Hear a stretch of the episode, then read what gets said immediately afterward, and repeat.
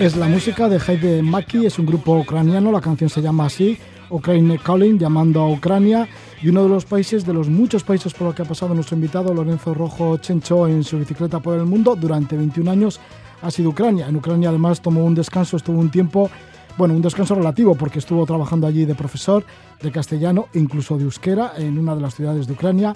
Estamos con Lorenzo Rojo, con Chencho, el cual pues no se le veía el pelo pues desde hace muchísimo tiempo por Vitoria Gasteiz, por su ciudad. Y hay que decir que él salió en su bicicleta eh, el 1 de junio de 1997 y regresó el 21 de diciembre de 2018. En este intervalo pues ha recorrido varias veces los continentes y en alguna ocasión sí que ha vuelto a casa a Vitoria Gasteiz, pero bueno, no era demasiado tiempo y, y, se marchaba. La última conexión que hicimos con él fue en Ulan Bator, en este programa, en Levando Anclas, en Ulan Bator justamente cuando publicaba el libro Munduan Barrena Bicicletas y Saski Errariak.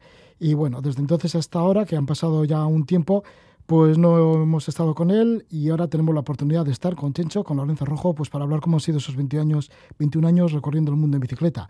Chencho, Gabón. Eh, Gabón, Roge, hola.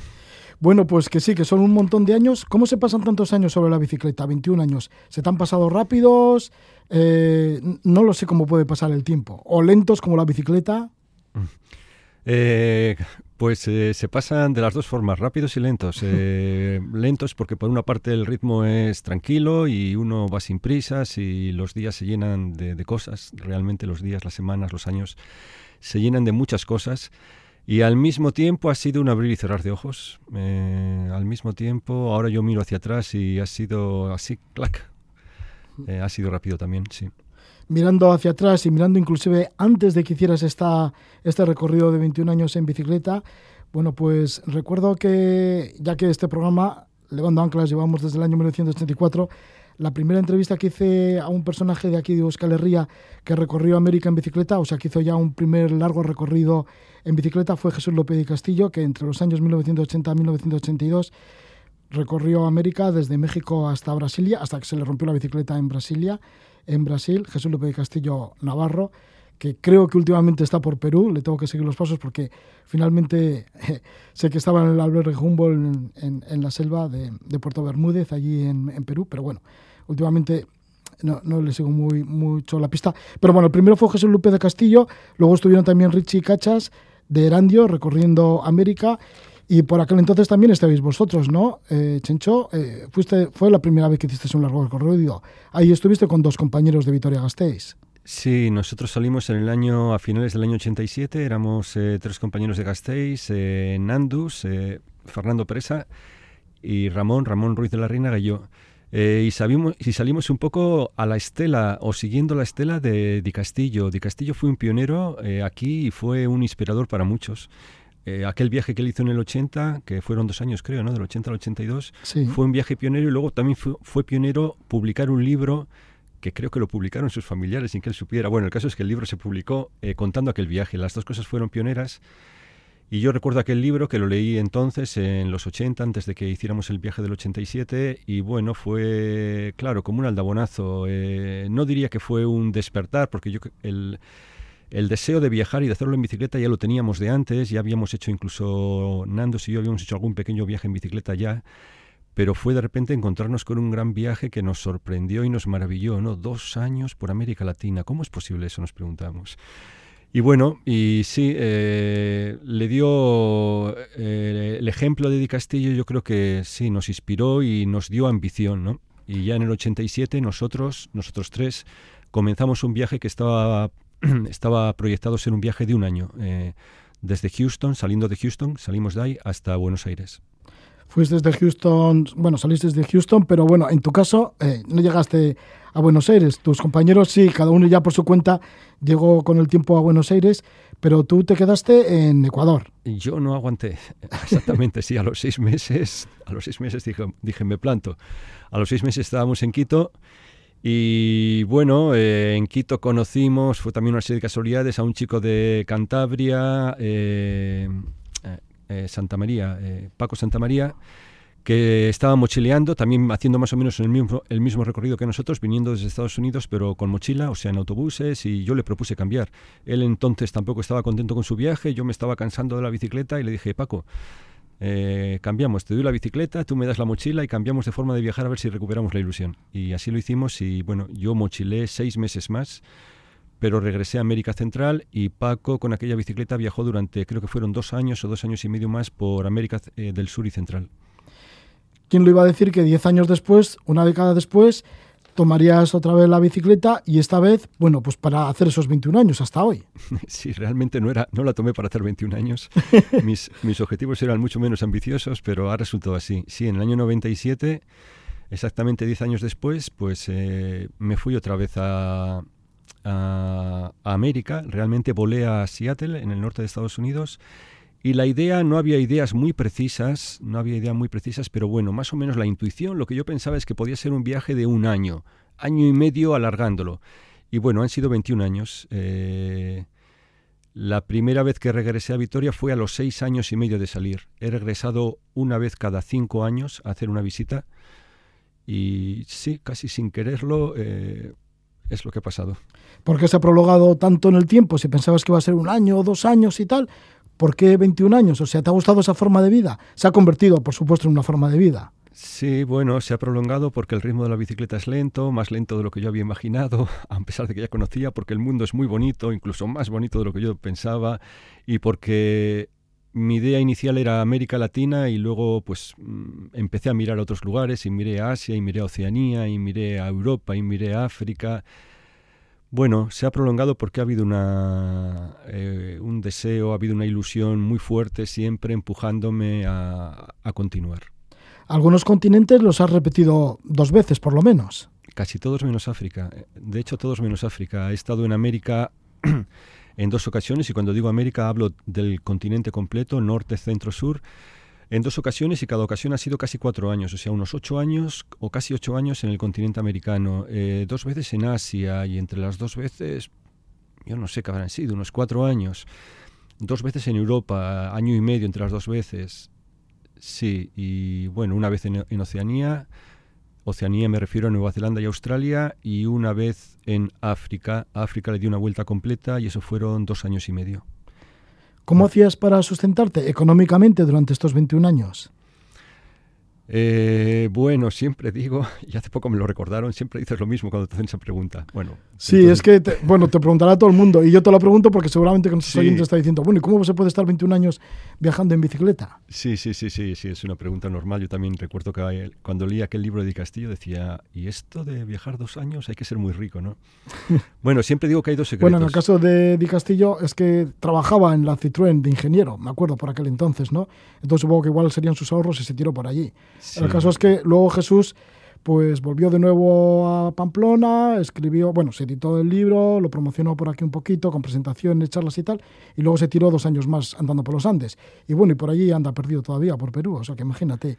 Y en tu caso... Sí, la historia de Jesús es muy, es muy, muy interesante. Por cierto, que yo le conocí personalmente hace, cuando fue en el año 2010, que yo pasaba con la bicicleta por Puerto Bermúdez. Ah, yo estuviste allí en, en el Ambelge Humboldt. En el Ambelge Humboldt, sí, fue muy, muy bonito, muy interesante. Incluso el camino para llegar allá con la bicicleta a través de la selva también fue muy bonito. Y luego, bueno, por fin eh, llegué allá y conocí a... Le dije cuando le vi, eh, tú eres Jesús, ¿verdad? Pues eh, tú has tenido la culpa de que yo esté aquí y que lleve aquí sobre la bicicleta tantos años. Y es que, Chencho, te has encontrado en el camino, bueno, luego hablamos un poco de cómo te has sustentado económicamente, pero en el camino sí que te has encontrado con muchísimos amigos, ¿no? En, en, cada país o en algunos de los países determinados sí que tenías amigos. Y en este viaje que has hecho de retorno desde Mongolia para Europa, te has encontrado también con bastantes amigos. Eh, sí, eh, he ido visitando gente, así como le visité a a Di Castillo en Perú, le he visitado a Paco Santa María, este chico con el que hice ese intercambio bicicleta mochila en Filipinas, porque él vive en Filipinas. En Japón, porque, bueno, he estado también por Japón, Corea del Sur, Filipinas. En Japón eh, ha sido otro reencuentro muy bonito con un... Eh, con eh, Chuniaki Kurosawa, con el que pedalé mucho en África, muchos meses en África. Eh, Sí, y ahora eh, de vuelta ya más cerca de aquí, pues eh, sí, he vuelto a visitar a, otros muchos ciclistas. ¿Cómo ha sido ese reencuentro? Bueno, con los amigos, seguramente pues eso, que, que habéis tenido muchas cosas que contaros unos a otros. Sí, claro. Bueno, son reencuentros bonitos por una parte porque te llevan de vuelta un poco al tiempo en el que estuviste con ellos, que a veces pasan años hasta que te, muchos años hasta que te reencuentras con uno y porque bueno y porque ves los cambios que ha habido ves a la gente en situaciones nuevas. Tú aunque sigas sobre la bicicleta estás también en bueno todos cambiamos no entonces eh, sí es eh, es ese juego ¿no? de, recordar, de ver cómo, nos, eh, cómo, han pasado los años y cómo nos hemos situado en el presente. Bueno, sí, son reencuentros eh, bonitos. Aunque has tenido que vivir con muchísima austeridad durante este tiempo y además, bueno, llevado por ti mismo, ¿no? por tu propia energía, tu energía y el de la bicicleta, pues sí que has tenido tus gastos y así, habrán sido gastos supongo que bastante mínimos. Pero bueno, volviendo de nuevo, ¿cómo ha sido eso? ¿Cómo te has sostenido económicamente? Bueno, entonces eh, volvemos a los dos secretos, porque son dos secretos. Uno es, como dices, la vida austera y realmente, bueno, pues el viajar en bicicleta es lo que pide, ¿no? Eh, vida austera en cuanto a lo material. Yo mm, creo que eh, realmente ha sido una vida muy rica, no ha sido, no ha sido una vida pobre, pobre englobando en... hablando de pobreza y riqueza en, en, otro sentido. Bueno, ha sido una vida austera en lo material. Quiere decir que, bueno, vivimos con muy poco. Mi presupuesto diario en estos 21 años aproximadamente, desde el comienzo ha sido parecido, han sido unos 10 eh, dólares por día. 10 dólares por día son unos 7, 8 euros por día. Eh, ahí va incluido pues prácticamente todo o todo. Eh, ¿Cómo se hace eso? Bueno, pues hay que tener en cuenta que pasamos mucho del tiempo viviendo en zonas del mundo donde 7 euros al día es, bueno, es, es dinero. ¿eh? Es, eh, es bastante dinero en zonas del mundo donde ese es el presupuesto que tiene mucha gente, incluso hay gente que tiene menos que eso también. Entonces, eh, eso por una parte, y luego también, bueno, pues vivimos acampando mucho. La tienda de campaña es importante, eso nos quita un gasto, el mayor gasto de todos, casi que es el pernoctar. Cocinando nosotros la comida, eh, y bueno, pues eh, y, no hace falta nada más. Te has eh, acostumbrado también a cenar, por ejemplo, pastas con sardina, ¿no? Durante 21 años. por, la, por la noche, sí. sí, sí pasta con sardinas. A veces había un pequeño cambio y era pasta con atún o pasta con sardinas y salsa de tomate. ¿Y por qué esto? O sea, te acostumbraste a esta manera y porque te gusta también, claro. Bueno. Como el que cena, yo que sé, dos huevos fritos con patatas todas las noches. Uh, sí, eh, por una parte es una cena saludable para nosotros, es carbohidrato, reponemos energía, es una cena barata, fácil de preparar cuando acampas. Eh. Y por otra parte, porque yo soy un todoterreno en esto de comer y yo solía decir por ahí, eh, bueno, yo en esto de la comida de vasco no tengo nada, porque allá somos, nos gusta, somos unos ibaritas o son unos ibaritas y les gusta preparar esto y lo otro y aquí el detallito. Y digo, yo nada de eso. Digo, pasta con sardinas y cada noche con, con, la misma hambre y con el mismo deseo y con el mismo gusto por comerla. Bueno, siempre, sí, no, no, no le hago mucho caso a la comida. O sea, no, sí que le hago caso, pero que no, vamos, que no... ¿Y alguna de las jornadas has terminado tan rendido, tan rendido, que casi no te daban ganas de ponerte a cenar, ¿no? A poner hacerte las pastas y luego tomar las sardinas y demás. Digo, ya montar la tienda de campaña en el caso de que tuvieras que montarla. Mm, oh, es difícil. Es difícil acabar tan cansado que no tengas ganas de cenar. Bueno, ya lo tendrías todo como muy preparado, ¿no? Como muy consciente de todo lo que tenías que hacer. Incluso las veces que cuesta encontrar un sitio para acampar y que, y que, acampas de noche y que acampas tarde y que llevas un día en el que te has metido una kilometrada más de lo habitual, incluso en esos momentos eh, es todo como... Hay una rutina también en el viajar y en el acampar y es todo como una rutina de gestos que se sigue uno a otro casi sin querer. Entonces, bueno, yo creo que no me he quedado sin cenar. Eh, por cansancio, mm, realmente habrán sido poquísimas veces. Chencho, y ahora que has vuelto a Gasteiz, cuando te levantas, recuerdas, por ejemplo, ay, va, pues yo hace igual cuatro años, o yo qué sé, o sin decir cuatro años, ay, pues yo, fíjate, una vez amanecí en no sé qué parte de Nicaragua, o en la Patagonia, o en Japón. O sea, ¿te vienen a la memoria recuerdos de todos los sitios por donde has amanecido? ¿O en donde has amanecido? ¿O algún atardecer? Sí, mira, yo llegué a Vitoria el día 21 de diciembre. La noche anterior había estado acampando en un lugar precioso aquí cerca de Vitoria, que son los montes de Izquiz, unas praderas salvajes que hay entre dos pueblos, eh, Apellániz y Marquínez. Solamente se escuchaba el cencerro de los caballos que andaban por allí pastando y a lo lejos unos montes. Eso fue la noche anterior antes de llegar. Bueno, aquí uno de repente se mete en otro mundo. Eh, es otro mundo en, muchos sentidos. Eh, para mí físicamente es un mundo de, cemento acostumbrado a vivir por ahí. Bueno, también vivía en mi cemento, que era el cemento o el asfalto de la carretera, ¿no? Pero eh, vivía al aire libre prácticamente, prácticamente a diario. Entonces aquí vives en la ciudad, que ya la ciudad en sí es, aunque tenga sus espacios verdes, pues es, una, es, un, es un espacio de, mayoritariamente de cemento, es una jaula, me parece a mí. Vivo también en un piso, como vivimos aquí la mayoría. Entonces eso supone es, un cambio fuerte en cuanto al espacio físico exterior y, y bueno, yo también aquí hay como un arroyo, como un río de, actividades. Eh, es como una corriente que te agarra, te, te, mete en esa corriente, en ese cauce y te lleva y te lleva y te lleva. Bueno, de alguna forma yo me he metido ya en el poco tiempo que, que llevo aquí en este cauce de, de, actividades, de pequeñas cosas, de pequeños quehaceres, de, de necesidades, que, cosas que hay que hacer, tiempo, eh, horarios, eh, bueno, todo esto, ¿no? Esta falta de tiempo que parece que sea aquí un... Entonces, eh, yo cuando vine aquí me dije, bueno, mm, estamos donde estamos, ¿no? La vida real es la, la vida de cada momento hace muchos años, cuando volví la primera vez a Vitoria, me encontré con un amigo en la calle de improviso y lo primero que me dijo así de sopetón cuando me vio sorprendido, dijo, pero Chencho, ¿qué haces aquí en la vida real? La vida real, para mí esta vida real vista desde donde yo estaba era como una vida ficticia, ¿no? Bueno, no ficticia, pero como algo lejano, como algo que casi se, se difuminaba. Pero la vida real es el, el momento en el que estamos en cada momento y mi vida real en este momento es esta, pero siempre me dije antes de volver y me lo sigo diciendo que hay que, tengo que saber el momento Álvaro Neil Biciclón lo dice, él suele hacer una, suele hablar del, botón de pausa, hay que buscar el botón de pausa que tenemos alguna, en, algún lugar, darle, y yo creo que es verdad. Eh, este es el momento y estamos en lo que estamos, pero hay que, hay que saber buscar el espacio, el momento también aquí en el que detenernos un ratito, eso me digo a mí mismo, hay que detenerse un poco para que ese hilo que me une con esa otra vida que me ha traído hasta aquí no se rompa para que haya una conexión entre las dos, ¿eh? porque sería, no sería bueno que se rompiera. Hay que saber estar donde estamos, pero hay que también que mantener esa conexión con, bueno, con, toda esa otra vida que hemos tenido y que, nos ha dado tanto son dos vidas bien distintas, ¿no? La del nómada y ahora, pues, asentado. Pero bueno, tú también tienes el tema de la adaptación, porque durante estos 21 años te has adaptado a todo tipo de circunstancias. Así que ahora que vuelves a Gasteiz, pues también te estás adaptando al lugar. Me imagino que también es un poco eso, ¿no? Sí, sí. Y bueno, y luego que vuelves más sabio.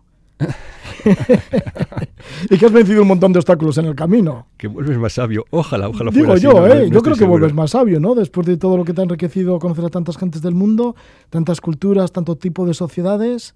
Eh, sí, seguramente algo diferente vuelves y vuelves con un bagaje que, bueno, espero que, que nos sirva así. Sí.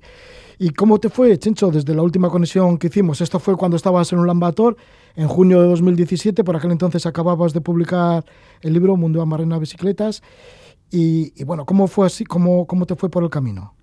Eh, bueno, ha sido un recorrido muy bonito. Eh, entonces estaba en Ulan Bator, de Ulan Bator pedaleé por Mongolia hasta el oeste de Mongolia, hasta una ciudad que se llama Olgi, eso ya está cerca de la frontera con Kazajstán y con Rusia. Eh, bueno, Mongolia me encantó, es, muy bonito, creo que no quedan países como Mongolia ya en el mundo, quedan muy pocos lugares así. con esos espacios abiertos, con esa sensación de, de lugares intocados, vírgenes, con esa cultura nómada tan en el centro de la vida del país, ¿no? Bueno, me gustó mucho. Eh, después pasé en autobús, eh, atravesé dos pequeñas provincias de Rusia, las provincias de Altai, para entrar a Kazajstán en autobús porque no me dieron más que una visa de tránsito para atravesar eh, Rusia. La visa china me la habían negado. para salir de Mongolia uno solo tiene esas dos opciones, Rusia o China. Entonces, pero entré a Kazajstán, llegué a la ciudad de Almaty, ya sobre la bicicleta bajé hasta Kirguistán. Eh, Kazajstán son estepas vacías y aburridas. O sea, yo muy contento porque esos paisajes, eh, bueno, porque me gustan los desiertos, entonces me gustó Kazajstán. Y ya entré a Kirguistán, Kirguistán totalmente diferente, comienza a hacerse todo mucho más montañoso, verde, alpino. Eh, Bien, atravesé Kirguistán, después Tayikistán, a través de la famosa Pamir Highway, la carretera Pamir, que recorre esa región remota de los Pamires, fronteriza con Afganistán, donde yo me sentí, bueno, uno vive esa contradicción de estar en una parte remota del mundo y al mismo tiempo en una parte muy popular con ciclistas. En verano, que es cuando yo lo atravesé, aquello era un río de ciclistas. Eh, la mayoría hacen el recorrido desde Dushanbe, la capital de Tayikistán, hasta Osh. Eh, bueno, eh, entonces fue, fueron todos los tanes. Tayikistán, después Uzbekistán. En Uzbekistán está, bueno, para mí era como una, una de esas de esos está Samarcanda, la ciudad de Samarcanda, una antigua una ciudad de la ruta de la seda y que para mí era como un destino un poco, no sé si llamarle mítico, era uno de esos lugares que desde hace muchos, muchos años eh, yo tenía en mente, ¿no? Algún día tengo que ir a Samarcanda, algún día tengo que ir a Samarcanda. Bueno, finalmente llegué a Samarcanda. La ciudad me gustó, es una ciudad grande, moderna, ya me lo habían dicho. Ah, te vas a desilusionar.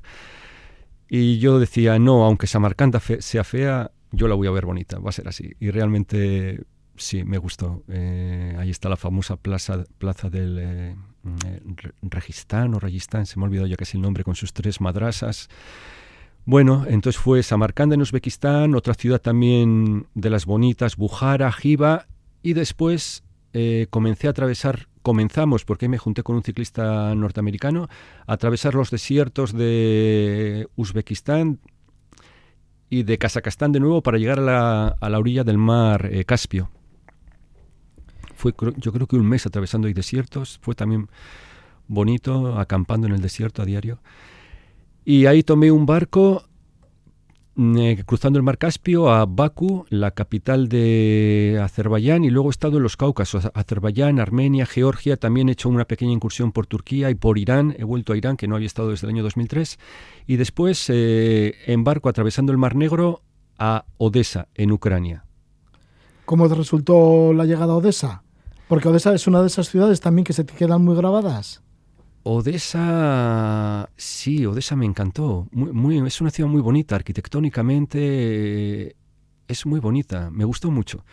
Además llegué en enero, mm, llegué una mañana, hacía un frío, tenía las manos con unos guantes gruesos y no así heladas, y por la noche, por la tarde noche empezó a nevar y de repente todo blanco, todo silencioso. Bueno, Ucrania me ha gustado mucho. Eh, ¿Por qué? Eh, Ucrania es un país en el que todavía uno percibe como, a ver, ¿cómo, ¿cómo decirlo? No sé si decir un poco de aire soviético es correcto, no sé si uno percibe como sombras del pasado. Eh, es un país que tiene un aire diferente al del resto de Europa, incluso incluso a, Rumanía, Bulgaria, países que yo había conocido en el año 2003, los he encontrado muy cambiados, yo ya en otra atmósfera. Pero en Ucrania hay algo que a mí me gustaba. He encontrado también un país muy digno. Eh, quiero decir, muy digno de un país muy modesto, con unos sueldos muy bajos, pero al mismo tiempo mm, digno. Las personas, las ciudades, eh, no, uno, yo no, yo no veía, no había sensación de pobreza, no había sensación de por lo menos de miseria, de eh, bueno, en fin, que me ha gustado, para mí ha sido un país muy interesante y allí me he quedado además casi, bueno, tres meses.